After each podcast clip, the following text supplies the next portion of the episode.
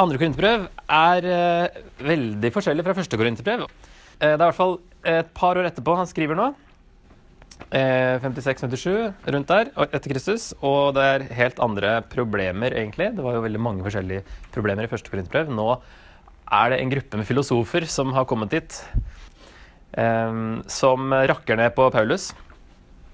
Eh, innbilske filosofer som rakker ned på Paulus. Og de var opptatt av å tale bra og se bra ut, og også ta betalt for talene sine, som var vanlig når man var en sånn omreisende filosof. Og det gjorde jo ikke Paulus, og det gjorde han jo med vilje ikke. Og da men så mener de at han ikke er en ordentlig Han er jo ikke en ordentlig filosof, men altså han har ikke noe, har ikke noe å høre på, da. Paulus var kanskje eldre enn dem også, og fysisk svak muligens, og litt mørbanka etter alt han har opplevd i eh, noen tiår. Så eh, det var jo Utseendet kanskje var annerledes. Så han blir anklaget bl.a. for at han legger planer i hytt og pine og forandrer dem som han vil, fordi han hadde tenkt å komme, og så kom han ikke, og sånne ting. Så det er en ting. Det at også han er, tøff på avstand.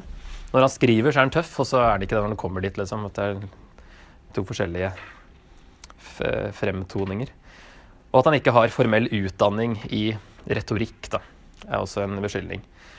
Og kanskje at han ikke har noen åndelige opplevelser, for eh, når han kommer til det i kapittel 12 her, så er det veldig motvillig at han OK, jeg må liksom skryte da, av mine åndelige opplevelser. Så, men så setter han seg sjøl i tredjeperson for å liksom unngå å skryte av seg sjøl, men liksom bare få fram den opplevelsen, da, selv om han egentlig ikke vil. Så her må han forsvare evangeliet. Han forsvarer egentlig ikke seg sjøl, men eh, han blåser ganske mye i seg sjøl i det brevet her. Han skryter jo egentlig av det han er svak i, altså sine svakheter, fordi det er det han kommer til i kapittel 12, at Guds kraft fullendes i svakhet. Så han eh, skryter da eh, med glede av sine svakheter, sånn at Gud kan bli større. Og egentlig helt motsatt av disse filosofene, hva de gjorde. Så han, er, han prøver å hindre at de korinterne går over til disse andre filosofene, da, som egentlig han kaller for eh, at de er Satan forkledd eller et eller annet sånt ganske kraftig. Da. Det er liksom ikke bare kristne filosofer det er snakk om, men eh, det er eh, alvorlig. Så derfor føler han at han må, han må gå så langt som han gjør her, selv om han egentlig ikke vil, da. Med å trekke fram sånne At han var i den tredje himmel og sånne ting. Det er veldig personlig brev, der han eh, lister opp masse svakheter og eh, egentlig blir liksom spørsmålet hva er en vellykket leder?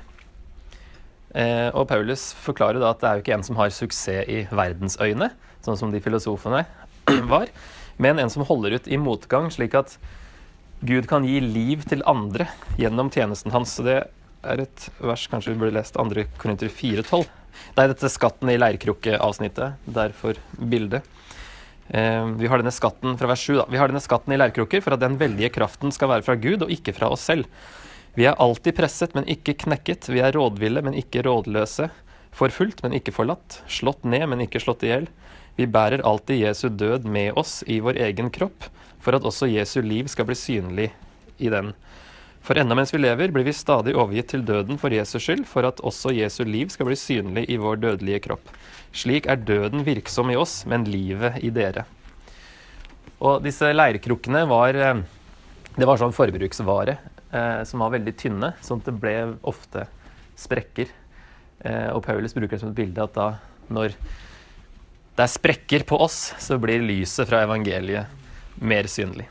Så det er det bildet han eh, trekker fram her. Så det, det vil han understreke, at vi skal ikke være vellykkede når vi er ledere. Later ikke som han er perfekt i det hele tatt, men han innrømmer svakhetene sine for å få Gud tydeligere fram. Og så avbrytes plutselig det er sånn merkelig greie midt inni der, kapittel 8 og 9, så er det plutselig to kapitler om pengeinnsamling til menigheten i Jerusalem, der det var sult. Som han holdt på med i mange år, og fikk med menighetene rundt om til å være med og bidra. Så her plutselig avbrudd, der det snakker om innsamlingen, og så tilbake igjen. Fortsette på det han eh, holdt på med, egentlig.